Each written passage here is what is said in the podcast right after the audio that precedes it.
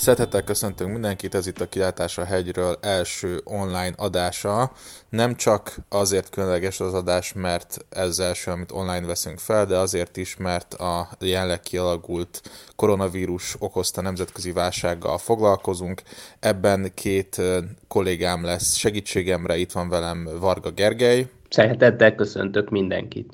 És Baranyi Tamás. És én is szeretettel köszöntök mindenkit. Kezdjük is egy tágperspektívából a beszélgetést. Láthatóan a koronavírus miatt a mindennapi életünk teljesen átalakult, ugyanakkor kérdéses, hogy nemzetközi, politikai és gazdasági szinten valóban beszéltünk-e szakasz határól. Mit gondoltok, mi lesz a válság után? Visszamegyünk oda, ahol voltunk, vagy pedig valami teljesen új kezdődik? Gergő, mit gondolsz erről? Azt gondolom, hogy a jelenleg rendelkezésre álló adatok, illetve az elmúlt hetek fejleményei alapján hasonló nagyságrendű válságra, illetve fordulópontra, lehet így fogalmazni, számíthatunk, mint amelyet mondjuk 2001. szeptember 11-e, vagy a 2008. évi pénzügyi és gazdasági válság hozott. Tekintettel arra, hogy sajnálatosan persze még a, a válság, illetve a járvány elején vagyunk bizonyos meghatározó térségekben, mint például Európa, illetve benne hazánk is, vagy mondhatnám itt az Egyesült Államokat is. A válság nagyságrendje kiterjedése még, még bizonytalan, és különösen az, hogy mennyire fog elhúzódni, de bizonyos, hogy nagyon jelentős hatásai lesznek elsődlegesen a gazdaságra, a nemzetközi gazdaságra, és azon keresztül azokon túlmutatóan is a nemzetközi politikai életre is, amint azt az elmúlt hetekben is már bizonyos jelek alapján tapasztalhattuk. Tamás, egyetértesz ezzel? Nagyjából egyetértek, persze azt én is aláhúznám, hogy nagyon nehéz most még belátni ennek az eseménynek a konkrét kiterjedését, de hát ez, ez még csak mélyebb lesz. Én egy szempontot emelnék be. Hát a Gergő mondta egyébként nagyon helyesen, hogy ez annyira transformatív ez az esemény, akár, mint a 2001. szeptember 11-i terrortámadás, vagy a 2008-9. évi nagy világgazdasági válság. Szerintem is lehet, persze mondom, ez kiterjedéstől függő, ebben a, ebben a sorrendben, vagy ebben a, ezek között az események között értelmezni ezt diszruptivitás tekintetében. Viszont, viszont még egy olyan gondolatom van, hogy ha, természetesen, hogyha ha kisebb lesz a kiterjedése egy kicsit, akkor például szerintem jól beleilleszkedik egyébként a Brexit népszavazás, Donald Trump megválasztása esemény sorba is, abban a tekintetben, hogy tulajdonképpen ez a vírus okozta válság is valahol a globalizáció visszásságaira mutat rá, és tulajdonképpen a globalizáció ellenes hatást fejthet ki. Ezt, ez is nyilván a jövő zenéje, de hogyha már feltétlenül ilyen események közé kell beilleszteni, akkor én ezt is egy releváns összehasonlításnak érzem. Ha már förmerült 911, akkor azt hadd kérdezzem meg, hogy akkor 2001 és 2020 között abban a szempontból is éle a párhuzam, hogy a 2001 utáni időszakot a terrorizmus elleni globális harc határozta meg, akkor most is arra számíthatunk, hogy a koronavírus válság után a közegészségügy biztonság fogja strukturálni a nemzetközi kapcsolatokat? A nemzetközi egészségügyi kormányzás, illetve a járványok elleni védekezés bizonyára napirenden lesz, előtérbe kerül a következő nem is csak hónapokban, hanem években, és jelentős vitákat szülhet majd az is, hogy hogyan, milyen formában reformálják meg ezeket a rendszereket, vagy a ehhez kapcsolódó intézményeket, milyen hatásköröket telepítsenek, vagy csoportosítsanak át nemzetállami szint, regionális együttműködési formák és globális nemzetközi szintek között.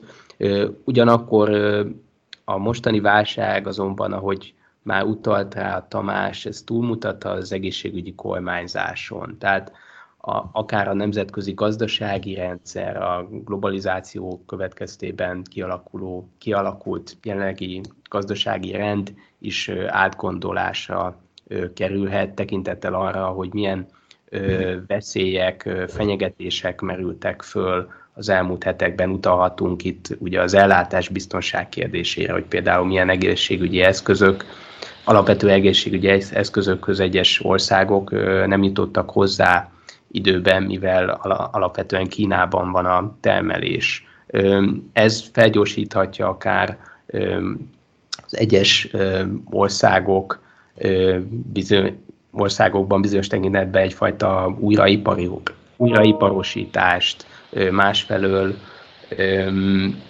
elő mozdíthatja azt az úgynevezett gazdasági szétválasztást, amely például az Egyesült Államok kormányzatának egyik fontos célkitűzése az Egyesült Államok és Kína relációjában. Tehát összefoglalva az egészségügyi kérdéseken is túlmutató globális kérdések kerülnek majd előtérbe a, a következő időszakban. Igen, én is azt gondolom, hogy ez, ez mindenképpen hatással lesz, mert nagyon nagy hatással lesz a következő évek nemzetközi politikai cselekvési rendjére. Az egészségügy, a közegészségügy, mint biztonsági kérdés, az most már, az most már biztos, hogy sokkal előrébb fog ugrani az agendán, mint, mint korábban volt. Azt gondolom, hogy a social distancing és egyebek nem fognak egyik pillanatról a másikra eltűnni, sőt szerintem, sőt szerintem most évekig velünk maradnak majd, még egyszer hangsúlyozom, a, a, a politikai agendán, a politikai cselekvési tervben. És nagyon jó, Máté, hogy hoztad a 911 utáni terrorizmus összefüggést.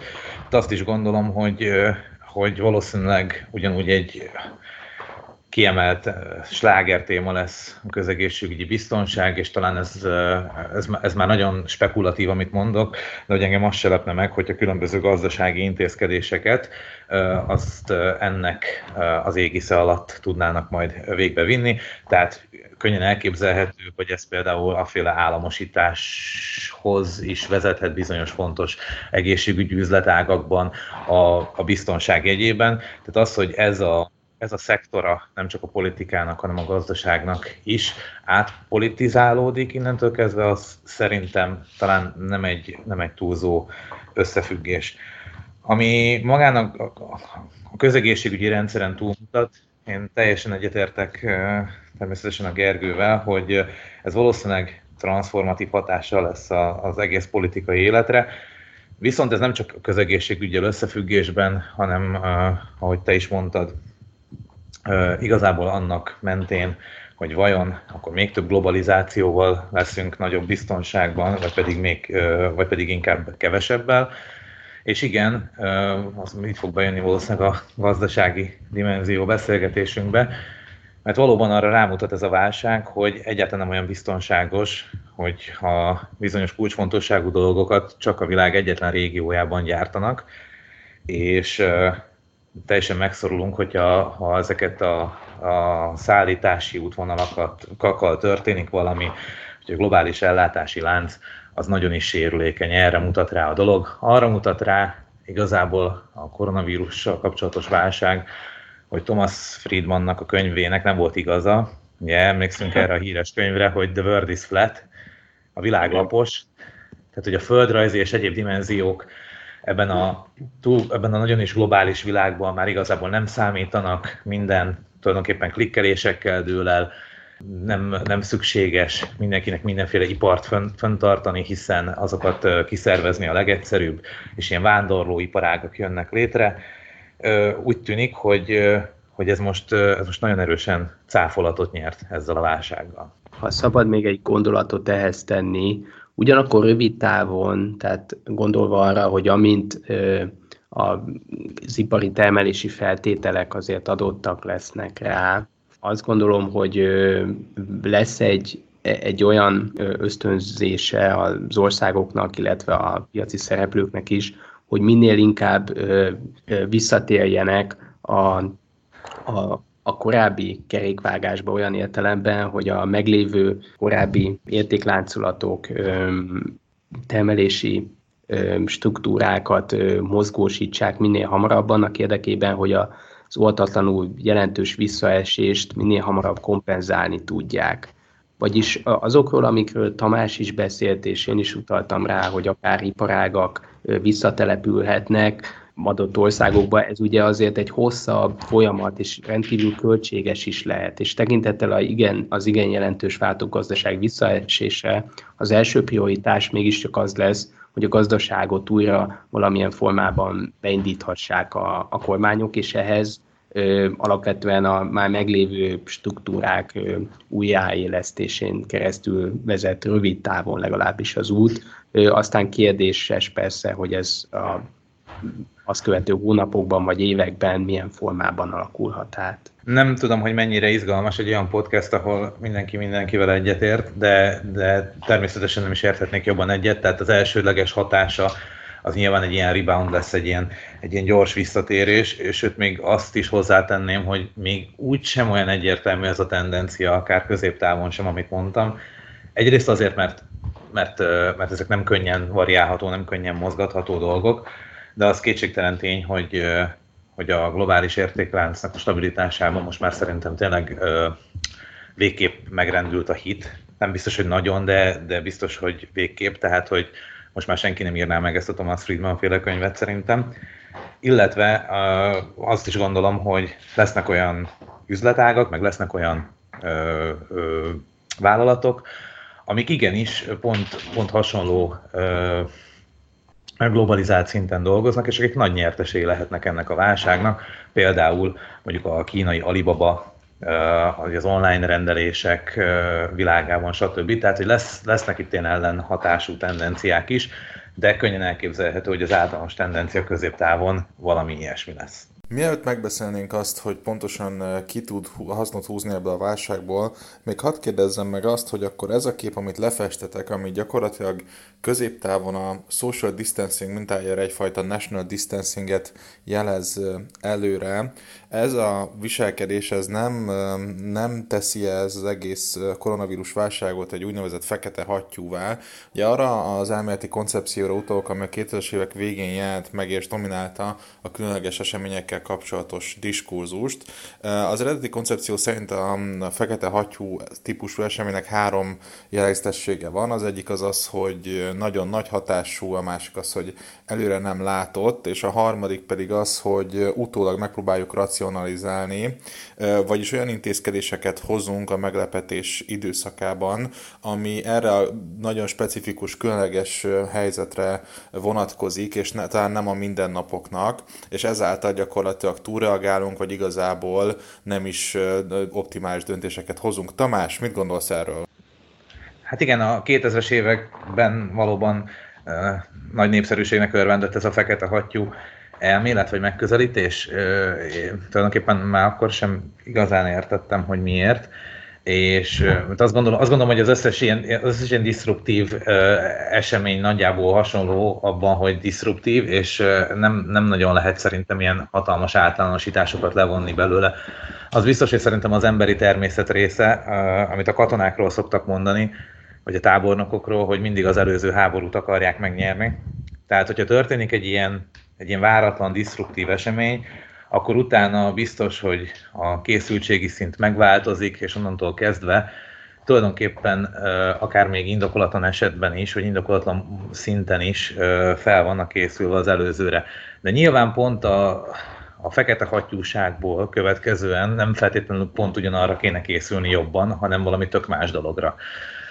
Tehát igen, valóban egy csomószor uh, igazából ahhoz vezet, hogy a, hogy a veszélyek reális uh, felmérése újabb váratlan eseményekre való készülés helyett igazából az előző váratlan eseményre készülünk, csak sokkal jobban. Ugye, ugyanezt láttuk egyébként a, a 911-es terrortámadás után is, amikor hát gyakran tényleg nagyon túlzó terrorellenes intézkedéseket vezettek be sok helyütt.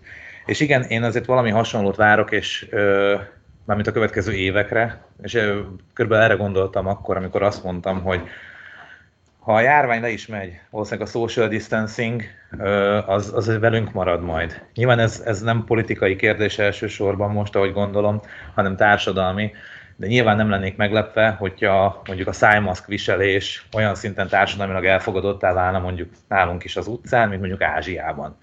Tehát ilyesmikre gondolok valóban van, egy, van egyfajta ilyen társadalmi hatása, tehát ezzel teljesen egyetértek. Gergő? Azt gondolom annak mentén, amely, ami, amelyeket ö, Tamás említett, hogy ö, összességében a, az országok, illetve a, akár régió, regionális szinten is az úgynevezett politikai, társadalmi, ö, intézményi ellenálló képességet kell ö, kell javítani a következő években. Bármilyen váratlan esemény, járvány vagy hasonló jellegű, diszruptív jellegű eseménybe következtére készülve. Tehát a globalizáció következtében azért alapvetően ismerjük azokat a veszélyeket, fenyegetéseket, amelyek velünk élnek, és az elmúlt években mm, is tapasztalható volt. Tehát ahogy szó volt arról, a mostani járvány kitörése bizonyos váratlan volt, főleg annak a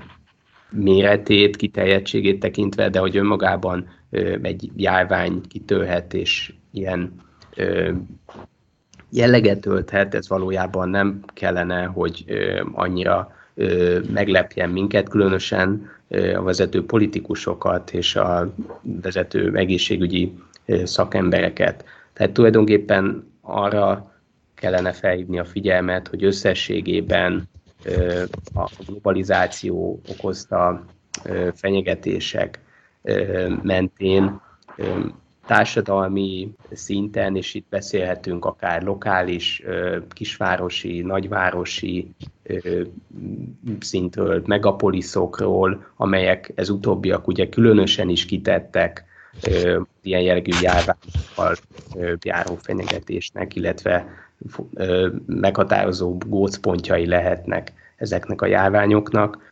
Tehát a, az ilyen jellegű veszélyeket, veszélyekre fel kell készülni, mind, mind kormányzati szinten, mind, mind ami a privát szférát, tehát a gazdasági szektort illeti, és bizonyos tekintetben egyéni tudatosság szintjén is, akár a fogyasztási szokásokat tekintve, akár a, egyáltalán a mindennapi társadalmi érintkezés szabályait is figyelembe véve, amelyre Tamás már utalt.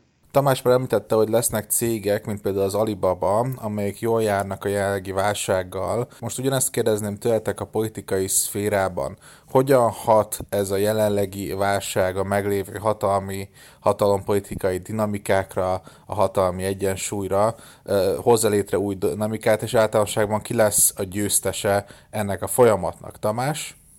Ez megint a globalizációval áll összefüggésben szerintem. Kétségtelen, hogy megváltozott a, a globális renddel kapcsolatos diskurzus itt a 2010-es években, és már ugye sokan kételkedve fogadták, hogy valamiféle klasszikus, nevezzük úgy, hogy geopolitikai, de mondhatjuk úgy is, hogy nemzetek közötti versengés azért inkább elő, előtérbe lépett, mint mondjuk volt a 2000-es években, vagy főleg a 90-es években, és azt gondolom, hogy ez a típusú járvány, ez, ez nagyon is jó táptalaj arra, hogy ez tovább fokozódjon.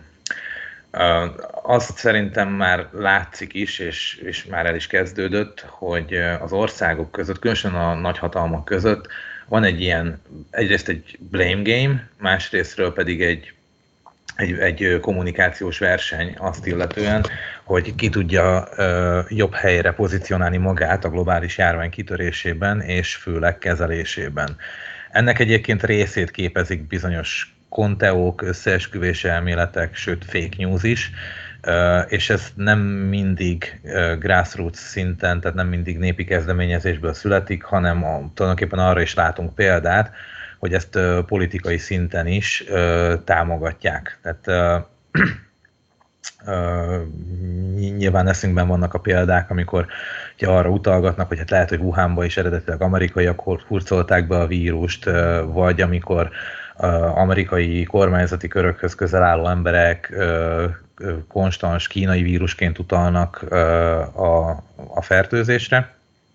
Mindezek arra mutatnak, hogy azért határozottan van egyfajta politikai versengés a vírusnak. Egyrészt a, a, a betudását illetően, ami egyébként nem nem is feltétlenül egy logikus dolog, illetve azzal kapcsolatban is, hogy ki az, aki jobban kezeli, ki az, aki felelősebben viselkedik ebben a környezetben más országokkal, vagy a, vagy a vírussal kapcsolatban, és egy ilyen típusú versengés megindult. Tehát elképzelhető, hogy, hogy erre most azt mondod mondjuk Máté, hogy ez, ez kizárólag a diskurzív politikában érdekes, nyilván attól még, attól még érdekes, viszont, viszont nyilván nagyon sokrétű és nagyon kiszámíthatatlan hatása lesz így a napi politikai szinten. Most csak pár dimenziót vetek föl, például nagyon erősen befolyásolhatja, hogy kinyeri az amerikai elnökválasztást, ami egy olyan esemény, aminek abszolút globális kihatásai vannak tulajdonképpen a vírusra adott reakciók alapján átalakulhatnak a politikai erőviszonyok. Nyilván ez most mindenki számára elsődleges kérdés. Hol van most a közös európai minimálbér kérdése, vagy hol van most a, az elveszik-e a robotok a munkánkat kérdése, ezeket, mind, ezeket most mind zárójelbe teszi a koronavírusra adott, adott válasz kérdése, és, és ezért át is fogja alakítani valószínűleg több országban is a politikai mezőnyt. Azokban az országokban, ahol mondjuk a kormányzat úgy tűnik, mint aki kézben tartja a dolgokat és felelős döntéseket hoz, ott nyilván nem, viszont azokban az országokban, ahol mondjuk nagy a kapkodás, Olaszországban például nagyon valószínű, hogy ezért meg fog rengetni sok pozíciót a parlamentben is, meg a kormányban is, és akár átalakulhat az egész politikai struktúra. Ezeket most nagyon nehéz megmondani előre, hogy pontosan hogy és miként fognak történni, de kétségtelen, hogy ez az egész esemény sor bír egy ilyen potenciállal. Nekem ebből úgy tűnik akkor, hogy nem számítunk rá, hogy a koronavírus válságának struktúra és hatása lesz a nemzetközi kapcsolatokra. Gergő, egyetértesz?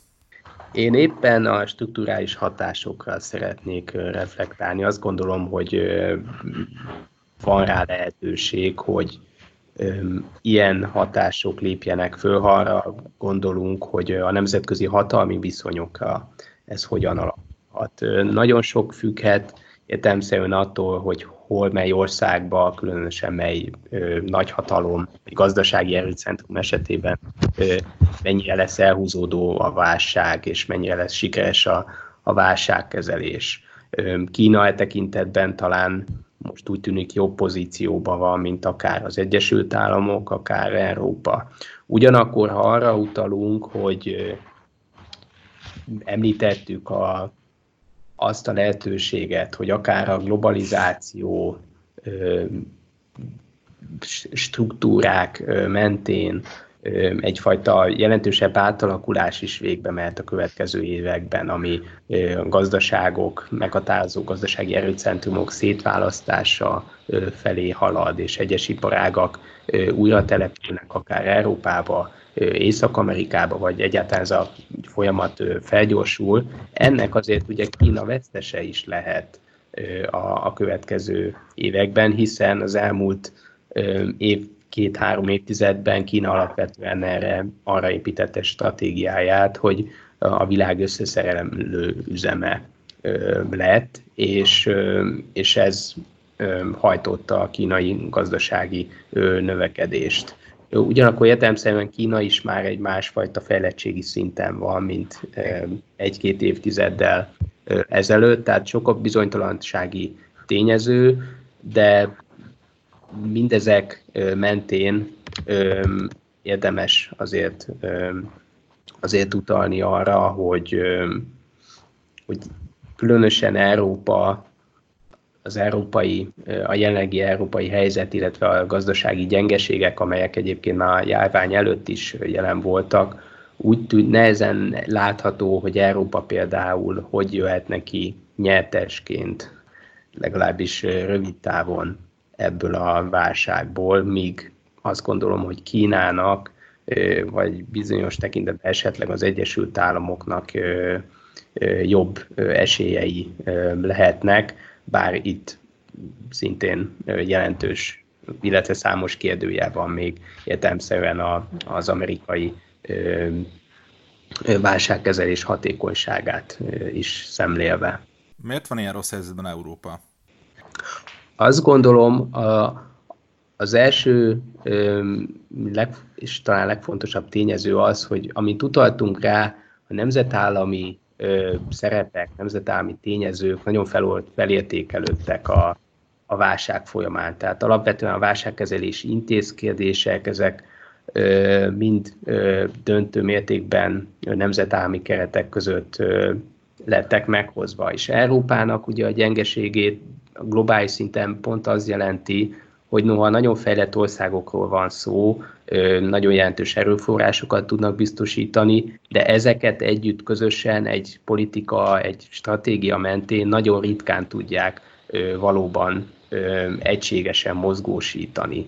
És amennyiben ez a válság ezeket a nemzeti kereteket erősíti föl, úgy azok a nemzetállamok, mint például Kína vagy Egyesült Államok, amelyek nemzeti szinten jóval nagyobb erőforrásokat tudnak biztosítani egy-egy stratégiai célkitűzés, vagy a külpolitikai célok elérése érdekében, azok versenyelőnyben lesznek a töredezett európai országokkal szemben. És akkor még nem beszélünk még ugye azokról a gazdasági kihívásokról, problémákról, amelyekről, amelyekkel kapcsolatban évet Európa évek óta nehezen talál kiutat, illetve megoldásokat, akár a centrumországok és a déli periféria országai közötti eltérő gazdasági növekedés mértéke kére utalva, amelyet a jelenlegi válság úgy tűnik, hogy csak felerősít.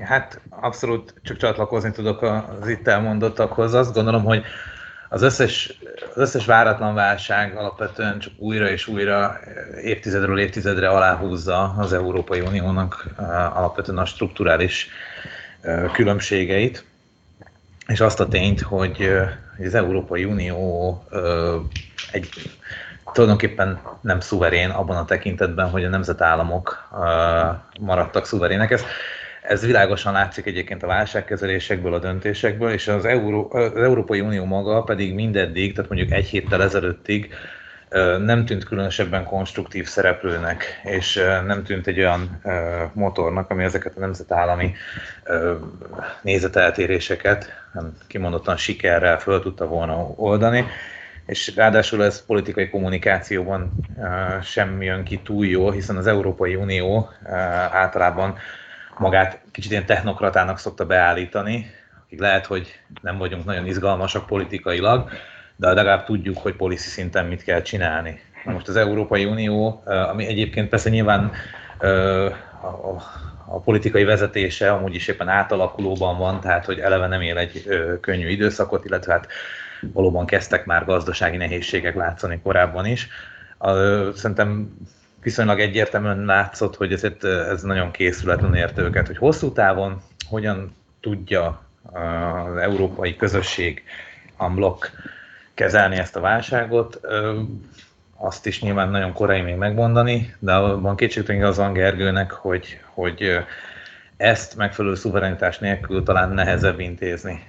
Ugyanakkor, csak hogy mondjak egy ilyen silver liningot, hogy mi az öröm az ürömben, az Európai Uniónak mondjuk annyi pozitívuma van, hogy nagyon sokszínű, nagyon sokszínűek ezek a nemzetállamok, és talán ez ezt valami módon egyébként akár, akár pozitívan is lehet kamatoztatni.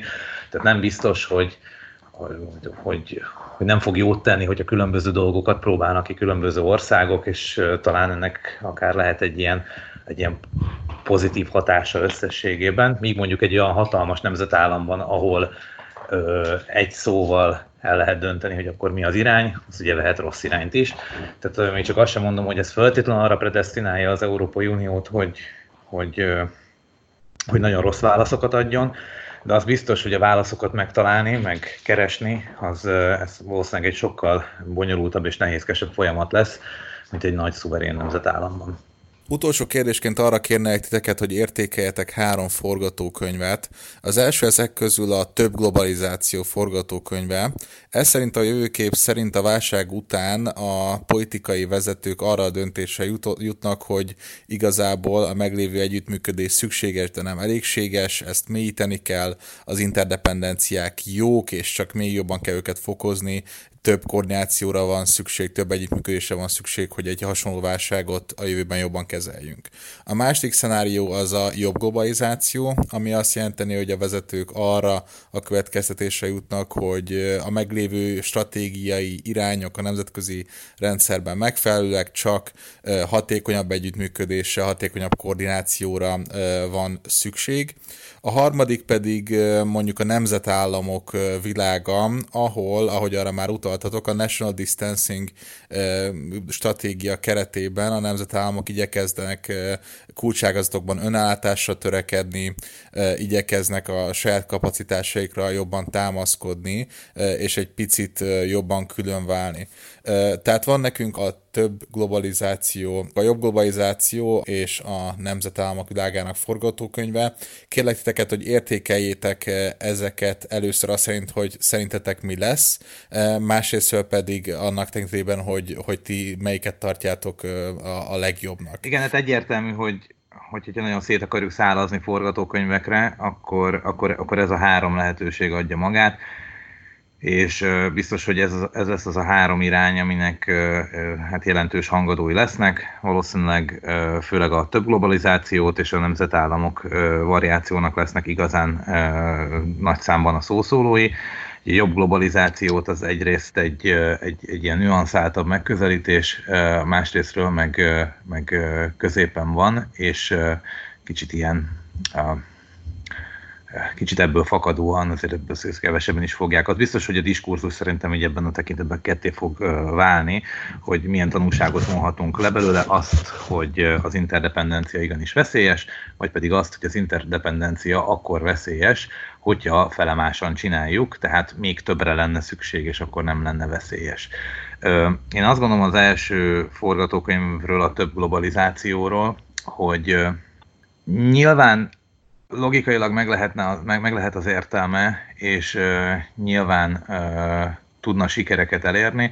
Uh, azt gondolom, és ez valamennyire visszautal a fekete hattyú dologra, amit mondtál, hogy uh, hogyha, ki akar, hogyha még több globalizációval akarnák kijavítani ezeket a hibákat, akkor uh, valószínűleg tényleg az előző háborút akarnák megnyerni, és biztos hú olyan nemzetközi globális egészségügyi rezsimet hoznának létre, a, ami lehet, hogy jobban ellenállna egy következő járványnak, ugyanakkor lehet, hogy a következő válságnak, ami valószínűleg nem járvány lesz, annak pedig nem tudna.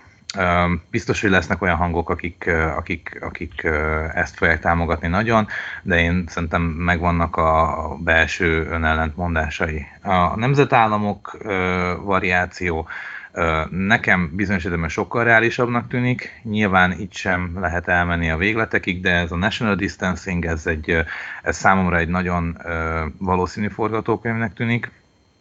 Ugyanakkor ö, azt föntartanám, meg tulajdonképpen beszéltünk is róla, hogy biztos lesznek a globalizációnak ilyen nagyon újra megerősödő ágai.